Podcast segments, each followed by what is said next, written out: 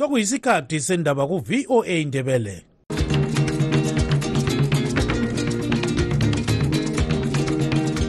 amatshono zihlobo siyalamukela kuhlelo lwethu lwezindaba eziphathelane lezimbabwe kustudio 7 eye voice of america sisakaza sisewashington dc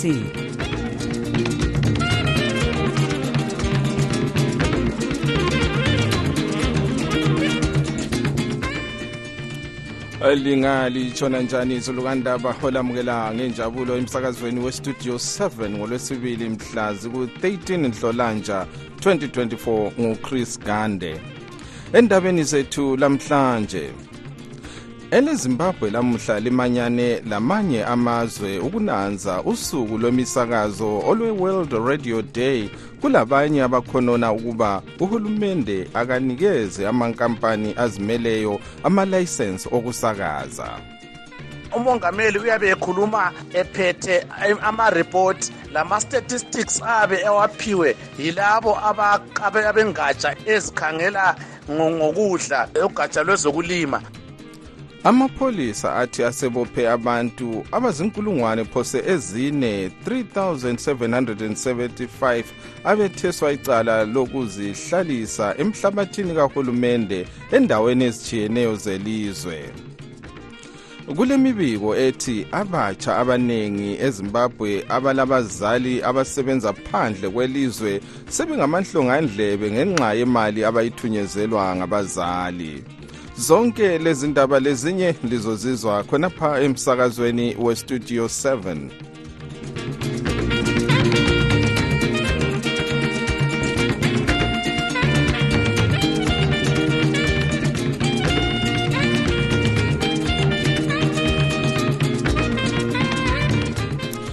umongameli emerson mnangagwa uthi uhulumende wakhe usenelise ukuthuthukisa umnotho welizwe selukhe wathatha intambo zombuso ngomnyaka ka-2018 lanxa kulezijeziso zomnotho ezetheswa elezimbabwe ngamazwe aphetsheya ezibangela ukuthi ilizwe lingenelisi ukubo, ukuboleka imali eneleyo emabhanga omhlaba.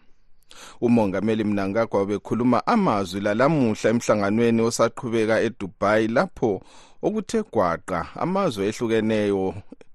Ingcwethi lenhlanganiso ezilwela ilungelo loluntu kucutshungulwa ukuphathelane lokuguquka komkhathi ezokulima lekusasa yamazwe la.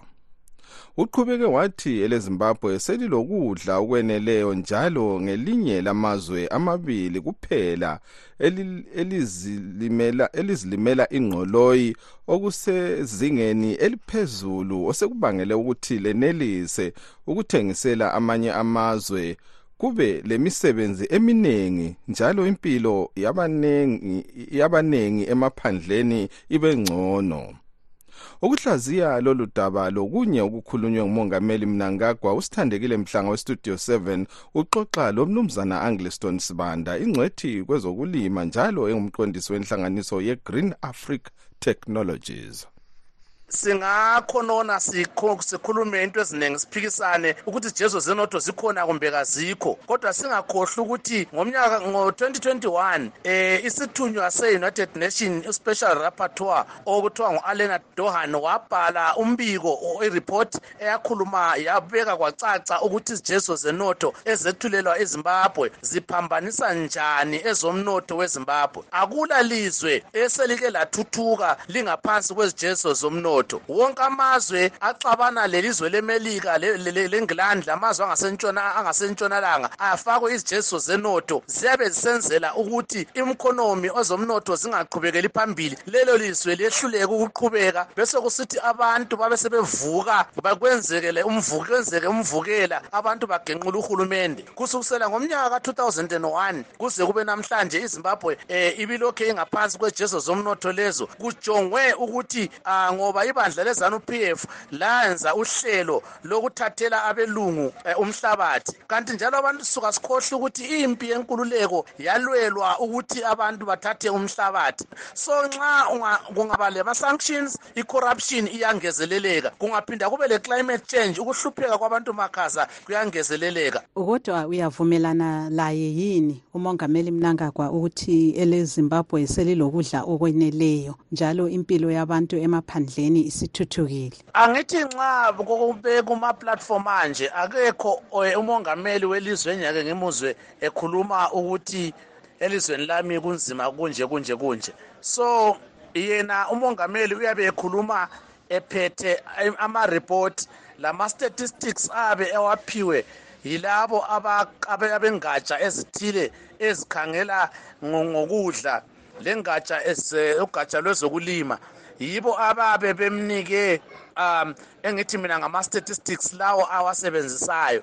Kodwa kwesinye isikhathi uthola ukuthi emaphandleni abantu e, e, khonokho akukhulumayo emaphandleni kakwenzakali kangako eh ngenxa yokuthi information eh, ecorrect iyabe ingafikanga kuye. Kube sesithola ukuthi kuthiwa kule report ethiwa ezimbabwe vulnerability assessment yakhipha ukuthi abantu abaningi bayalamba kakhulu ezimbabwe. So kuthatha ukuthi kube le synchronization echwayisiso locubungulo lona lolo olwenhlanganiso ezizimeleyo kanye lolukahulumende ukwenzela ukuthi imbiko efika kumongameli ibe yimbiko eqondileyo. So yilo uhlupho olukhona kodwa-ke um i-climate change um uguquka kwezomkhathi um kuphambanisa kakhulu inhlelo zokulima um emaphandleni. Lo nyaka kawukhanye kukhanya ngani izulu nje kalikho sokutshile emasimini indlala izabhaha sokuqakathekile ukuthi ngabe kuyabanjiswana kulwisane lokuguquka komomo womkhathi lowo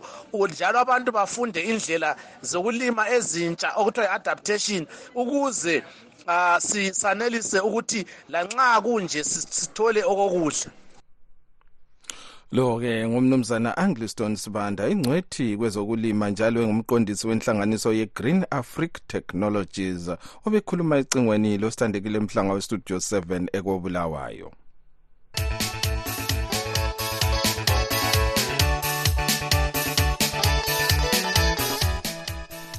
amapholisa athi asebophe abantu abazinkulungwane phose ezine 3775 abetheswa icala lokuzihlalisa emhlabathini kahulumende endaweni ezitshiyeneyo zelizwe ezigoqela egwanda emaswingo karoyi lasechipinge. Osekusolwe kakhulu zinhlanganiso ezilwela amalungelo kazulu. Bathi njalo asebetholakala belecala yimthethwandaba bafika phose inkulungwane 985 uhulumende uxotsha abantu laba emizini yabo esithi bazihlalisa kumbe bahlaliswa yizigilamkhuba ngaphandle komthetho ngesikhathi sokwabiwa kutsha komhlabathi owathathelwa abalimi abamhlophe. Inhlanganiso yezimbabwe lawyers for human rights ithi isithumele amagqwetha endaweni endaweni ukuyaphathisa abantu laba lokuphikisa ukududulwa kwabo. Sixoxe untungameli nkomo studio 7 uxoxe lonobhala jikelele wenye yenhlanganiso ezisola lolu hlelo eye ibheju likazulu umnumzana mbuso fuzwayo. Kuyadanisa okwenziwa ngohulumende ukubana ahlukuluze abantu bakhe. Ngalesi sikhathi izulu lisiyena izikolo zivuliwe. Ukuthi kuthiwa abantu banikezwa 48 hours ukuthi besuke. Bona bababona besakha. Ilizwe balibulele. Uma usithi umuntu ode seyakhile uma ukhangele impikitsha imizi edilizwayo kuyadanisa ngoba kuyabe sekubonisa ukuthi umuntu odechiye eyakhele abantwana abantwana basala besedukweni ngibona ngazathi lokhu kutshengiswa i-insensitiveness yabantu abaphetheyo. Ngumrambathwina number two. Kodwa uhulumende uthi abantu laba bahlezi ngaphandle komthetho yikho nje ebadudula ebaxotsha kulezi ndawo. Abantu laba abanye bebethela ekhansilini abantu laba bebevota. So uhulumende ubekwazi ukuthi abantu laba bahlezi endaweni zonezi. Asikhulumi ngabantu abaleviki asikhulumi ngabantu abakhala sikhuluma ngabantu abaleminyaka edlula 20 abalabo 15 30 years behlezi lapho. So uhulumende ngoba abantu laba sebemvotele yikho sebaxotsha. Kabadingele indawo ngoba uhulumende uthi akufuzanga umuntu esuswe endaweni kungalaa ndawo lapho ayakhona umbuzo vele wona okhona yikuthi kade wabekelelani in the first place besakha endaweni yona leyo uma kuyikuthi indawo leyo ingafanelanga so mbona ngazathi um kuyikuxhwala kuyikuganga okwenziwa nguhulumende. Akulabuntu ukuthi izikolo zivuliwe kathesi uma ubasusa abantwana bona labo ususa abazali babo abantwana uthi bayengaphi lina njengenhlanganiso yamalungelo kukhona yini elikwenzayo ukuphathisa abantu laba? Eqinisweni bekungekho kodwa sesesikwenzile kodwa besicabanga nje sike sahlala saxoxisana labanye abafowethu ukuthi uhulumende kube kuqakathekile ukuthi kuhanjiswe emthethweni ukuze into leyi imiswe. Awuxotshi bantu bathathu badudule ungabanikanga indawo zokuthi beyehlala. So lokhu esisazama ukuthi sixoxisane singaba lempumela yokuthi siyenze njani sihlangana lamagqwetha ukuze kumiswe lento umnumzana mbuso ofuzwayo ngunobhala jikelele wenhlanganiso ye-ibheju likazulu. Ubeqoqa icingweni lestudio 7 umphathi ntambo kahulumende obona ngezomhlabathi lokulima umnumzana anxious masuka ubengabambeki ecingweni kodwa umsekeli wakhe umnumzana davis marapira uthi uhulumende akabuyeli emuva ngalolu hlelo.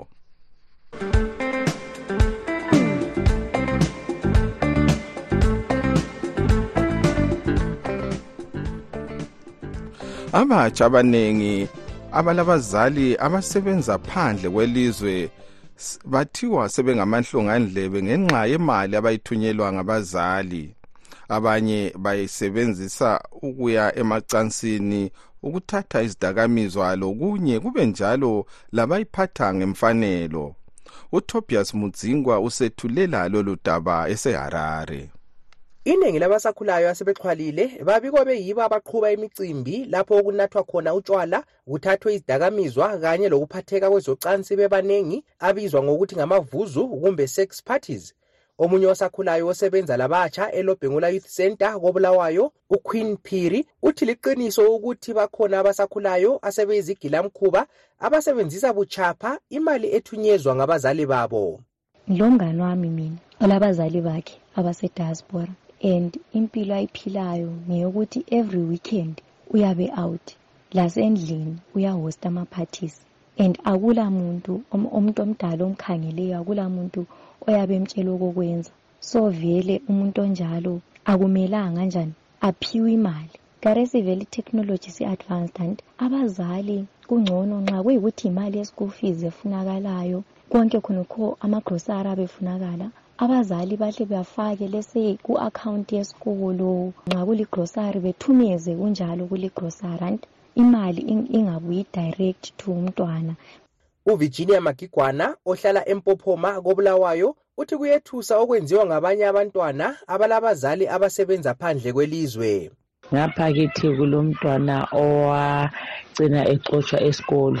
Ethunyezwele imali wathunyezelwa ifoni ama-tablet esafika isamangalisa i-tablet. Umntwana lwana edownloada njengomntwana oyevele lezimali esakhiphilezi eziningi edownloada izinto ezingayenziyo behamba lazo esesikolo etshona ebukelisa abanye efihla ifoni leyana yazi yinto embi ukuthi umntwana abe lemali edlulisileyo. Abasakhulayo laba benza amavuzu parties angela nhlonipho kodwa uyakulandula lokhu omunye osakhulayo ubelieve mthombeni olabazali abaleminyaka edlula emihlanu besebenza kwele bhilithani yebo bengabe bekhona abakwenzayo kodwa isikho sonke mina abami abazali bakhatshana kodwa bengathumela imali ngiyisebenzisa ngendlela efaneleyo kuloma mdala otshona ngivulele ilihlo ekhangela ukuthi angiyenzi bulema yini? Kodwa lokho akutsho ukuthi lami ngingasela okuyimali ukuzidlela phela. Umnumzana ndumiso sibanda osebenza kwele south africa uthi kuqakathekile ukuthi abasakhulayo abathunyelwa imali bayiphathe ngemfanelo. Kuqakathekile ukuthi nabo laba abaseleyo nxa sebethunyelwa-ke izimali bazisebenzise ngezindlela ezilobuntu ngendlela ezakhayo ukuze nalaba ababathumezela izimali bangaphatheki kabi ukuthi basebenza nzima besebenzela ukuthi abantwababo noma abafowabo badlalise izimali. Udokotela mbulisi ndlovu ocubungula indaba zabasakhulayo njalo osebenza ekholitshini lelupane state university uthi ukutshabalala kwesiko lesintu ezimulini yikho sokudala uhlupho lolu ebantwaneni abaphiwa imali enengi ngabazali abasebenza kwamanye amazwe. Khonokhiyana kwakukhona kudala ukuba le-extended family kwakusebenza ngoba kathesi asela ama-extended families umuntu lomuntu usebhekana lemuli yakhe kuphela. Um akusela o-anti labomalume um abaxwayisa abantwana. So mina nxa ngumzali ngingekho ekhaya ngidinga imali khona lephesheya o-anti labomalume abaseleyo ngapha labo bayazihlalela abasabheki ukuthi abantu abambona banjani. So kuliqiniso sibili ukuthi hhayi um abantwana laba basala bodwa kabalayo imaturity yokuthi imali zona imali yona leyo enkulu abayithunyelwa abazali bayo bayisebenzise njani kulabadabuka ezimbabwe abasuka elizweni besiyadinga imisebenzi kwamanye amazwe ngenxa yokuswelakala kwemisebenzi elizweni. Ucwaningo olwenziwa yinhlanganiso ye-unesco leye-unicef lwaveza ukuba abanye abantwana sebengamahlongandlebe ngenxa yokuthi abazali babo bahlala phandle kwelizwe. Lokhu kwenza ukuba benze umathanda. Kuleyinye njalo inhlanganiso ebona ngokwenzakala phakathi kukazulu ezwandiri eyenza ucwaningo yathola ukuba isilinganiso sabantwanyana ababamba izisu bengakukhangelelanga sifika phose ikhulu elikhulwini 95 percent. Ngimele istudio 7 ngiseharare ngingutobias mudzingwa.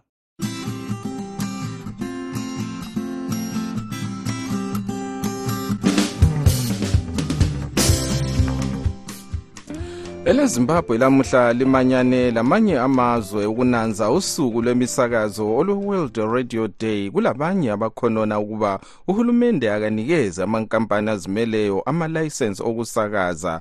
Loba nje eziqhenya ngokuthi usenikeze imisakazo yezabelo ama-community radio stations amalayisensi amanengi iningi lalimsakazo ikhanya ingedlelana lohulumende.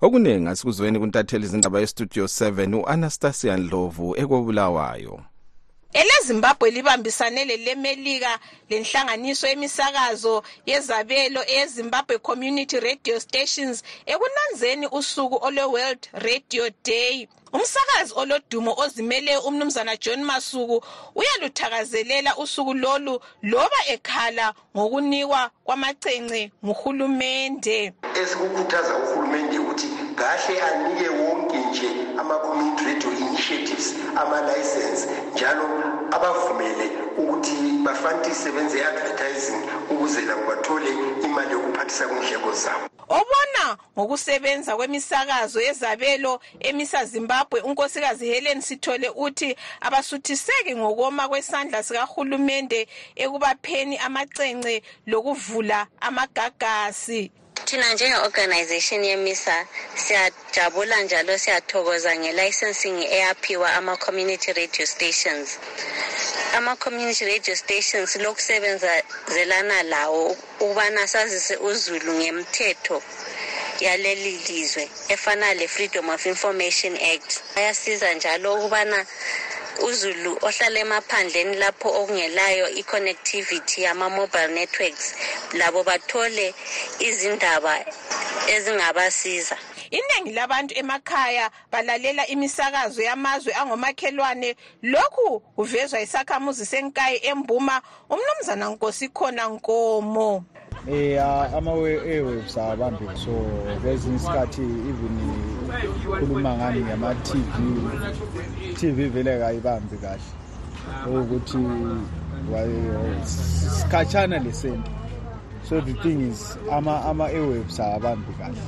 Abantu abahlala emadolobheni labo bathi kwesinye isikhathi umsakazo we-zbc awubambi kuhle. Bagcina bedanela ekubambeni imisakazo yaphandle kwelizwe etshiyeneyo egoqela istudio 7 isakhamuzi sakobulawayo inkosikazi lidia ncube uthi kabakuthakazeleli okwethulwa yimisakazo yezabelo. Thina lapha kobulawayo ezimbabwe siyabe sifuna ukuthi silalele lathi o-zbc i-zbc phela ilokuthi ibambe ingabanga. Umntwana uyakwanisa ukuthi abe le-exam yakhe ukuthi babizwa esikolo uminister of this ngubani uminister of this ngubani. Uyabe sehluleka kakwanisi kakwazi ngoba sejali ukuthi i-sabc yiyo ebambayo i-tv yiyo ebambayo thina amalokal ethu awabambi. Yona ilokal yiyo efanele ibe sibe yazi abantwana bebekwazi. Imisakazo yezabelo ayithandanga ukukhuluma ngenhlupho ababhekane lazo. Bethi kungabathathisela izichence abalazo kodwa bakhangelele ukuba uhulumende athambise isandla sakhe ekubapheni izichence lokuvula amagagasi elemelika liqhube umhlangano namuhla wabakhangelane lokwethula okunengi ebulenjini owe-creative content writers. Usuku lwalonyaka lunanzwa phansi kwesihloko esithi radio a century informing entertaining and educating. Imisakazo lokhu ithakazelelwa ngabaningi kakhulu emaphandleni. Ngimele umsakazo westudio 7 ikobulawayo. Ngingu-anastasia ndlovu.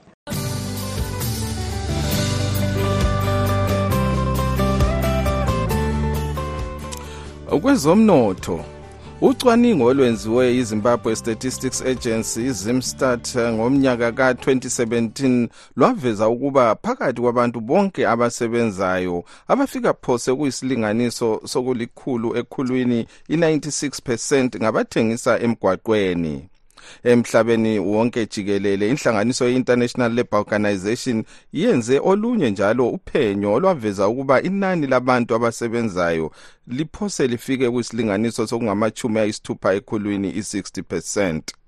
Ukuhlaziya lolu daba ugibbs dube westudio 7 uxoxe lo nkosazana lorraine ndlovu okhokhela inhlanganiso ye-streetnet international njalo leye-zimbabwe chamber of informal economy associations.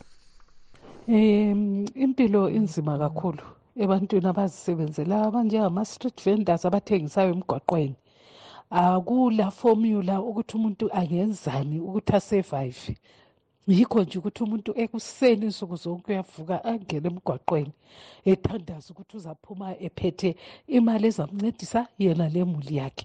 So kubuhlungu sibili ukuphila lokusebenza njenge-street vendor ngoba omunye uzathi ethembile ukuthi namhlanje ake ngihambe ngiphethe okuncane okokuthi siye kudlala abantwana abesethelekile amapholisa ekhansini bafike babuthe lokhu akuthengisayo aluze umuntu wenkosi. So indlela yokuthi abantu baphile baya emgwaqweni ngoba kungela msebenzi. Kakho umuntu ofuna ukutshona egijima njengempunzi. Umuntu lo muntu ufuna isithunzi sakhe esokuba ngumuntu lesithunzi sakhe sokuthi ahlonipheke. Kodwa ngenxa yobunzima bempilo abantu bayathengisa emgwaqweni. Akulalutho oluningi abalutholayo ngalezo mpahla. Ye kulemthelo kumele bayihlawule phela ayamateksi lapho. Manje bakubamba njani? Behlupheka tholayo kodwa kuyamangalisa ukuthi uzwe kuthiwa sebezathathethwa for i-tax.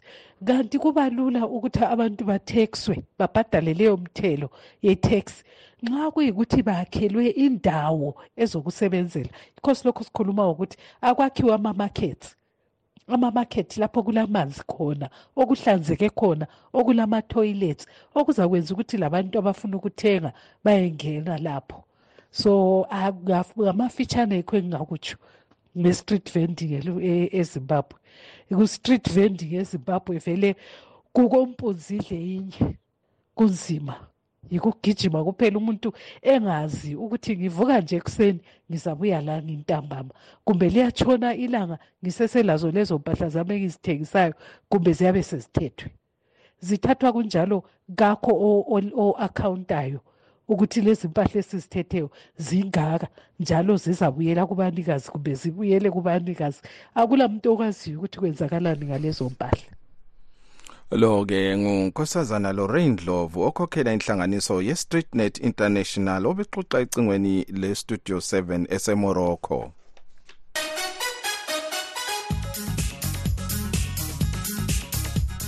Idale lesenate elemelika lize lapasisa umthetho wokuphathisa ele-ukraine kunye lele-israel ngemali edlula amadola angamabhiliyoni afika phose ikhulu 95 billion dollars. Amalunga ebandla lama-republicans bebefuna ukuthi limali iye kwele-israel kuphela kodwa amanye amalunga aleli bandla avota lamalunga ebandla lama-democrats ukuze lumthetho upase. Ukuhlaziya lolu daba sixoxe olandela ezombusazwe welemelika umnumzana tim moringayi.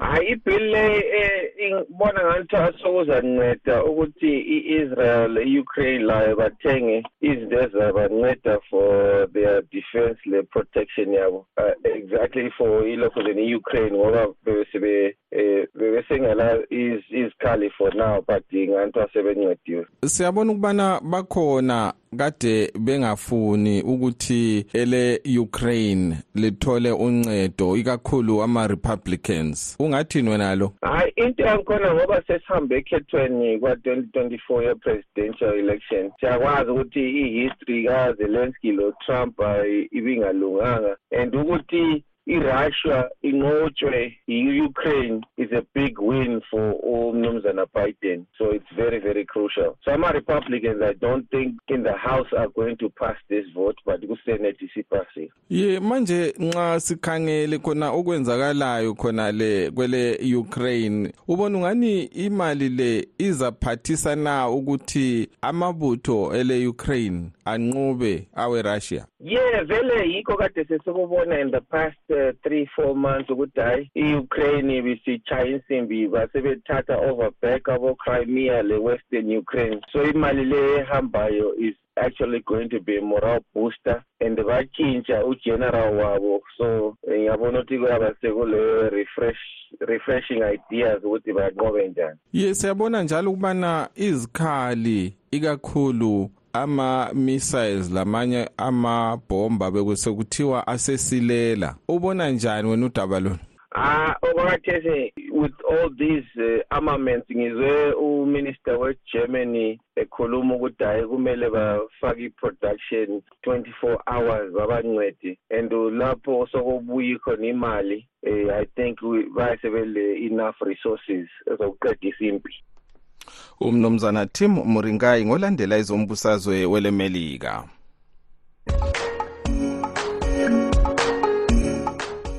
Okwamanje ke sizwe imbono yenu lina balaleli bethu elisithumele nge-whatsapp studio 7 studio 7 studio 7 semfake imeseji yami khonapho kini angazi ukuthi inkinga yini. Bengicela ubaba lo owathina ufuna, ufuna umongameli we-mrp umqondisi moyo afike kubo khonale ewanke. So manje kasakhuluma ngenamba zakhe zefoni kumbe ze-whatsapp. So sicela afake inamba zakhe ze-whatsapp kumbe ezefoni ukuze umqondisi moyo azazofika khonapho we we-mrp sanibonani sanibonani. Mina nginguthuba ngithuba moya mina ngikhulumela endabeni le eyasegwanda. Ezwisa ubuhlungu obungaka okuxotshwa abantu ezindaweni bechisela abantu izindlu. Abantu abake betshiyane nezanu behlukane nezanu bevotele elinye ibandla ababona lizabasiza. Awukhama ukuthi livotele izanu iqedi litshisela izinto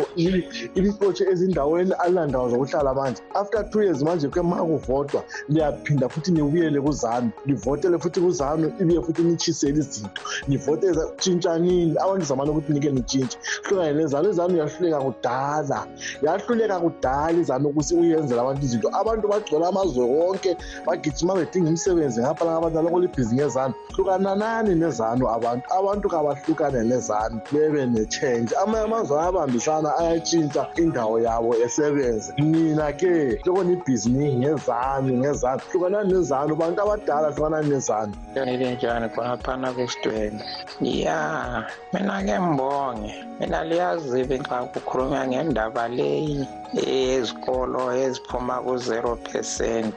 Ngithanda ukwelekelela khona phana kugavumenti ukubana igavumenti ngalesi sikhathi amabhizimusi abasakhangelanga ngitsho iy'ndaba zesikolo siyacela kulabaphathi asebeleminyaka eminingi kakhulu ezindaweni ikikhangelisise lolu daba. Yebo mina setimadebelele north kodwa sikhathazekile. Igavumenti ihlezi phezu kwezandla kulezi izindaba mfundo. Siyacela siyacela. Elizame ukukhangela abantwana bafeyila amatitsha akudala ayetshintshaniswa izindawo umuntu ebemutsha endaweni. Hawu ake lizame ukwenza ezinye izinto zicacile um studio seven studio seven njani kanti sokwathini indaba zakuseni kade sesisazizwa sela sivale indaba zakuseni sokusenzakalani manje? Sokuthukisekile into yonke nje ezimbabwe yonke yonke vele is nothing is useless. Whatever noba yini xa ithi yenza ayiphumeleli ngendlela ihambe ihambe right. Ayigculisi kahle abantu asikwazi ngathi ngenzakalani selasibhalela manje indaba zekuseni manje senzela lalezi ebelisithembiso zona ubusuku asisazitholi lezi elithengi zika-nine ezika-eleven asizikaze sizizwe kwenzakala? Hayi le nto yododi leyo asikwazi kathi. Izimbabwe kade vele abantu bakhona kanjani kanti into zakhona zonke ziphumelela zipasa zihamba everything. Ngiyabonga studio seven siyabingelela um wena angikeni sibanda umhlaziyi wamanga umhlaziyi wezana kumele ube Ixolo isikhathi sesidliwe ngumangoye sesilugqiba ke lapha uhlelo lwethu lwalamhlanje igama lami nguChris Gande asidibaneni njalo kusasa sikhathi sinye.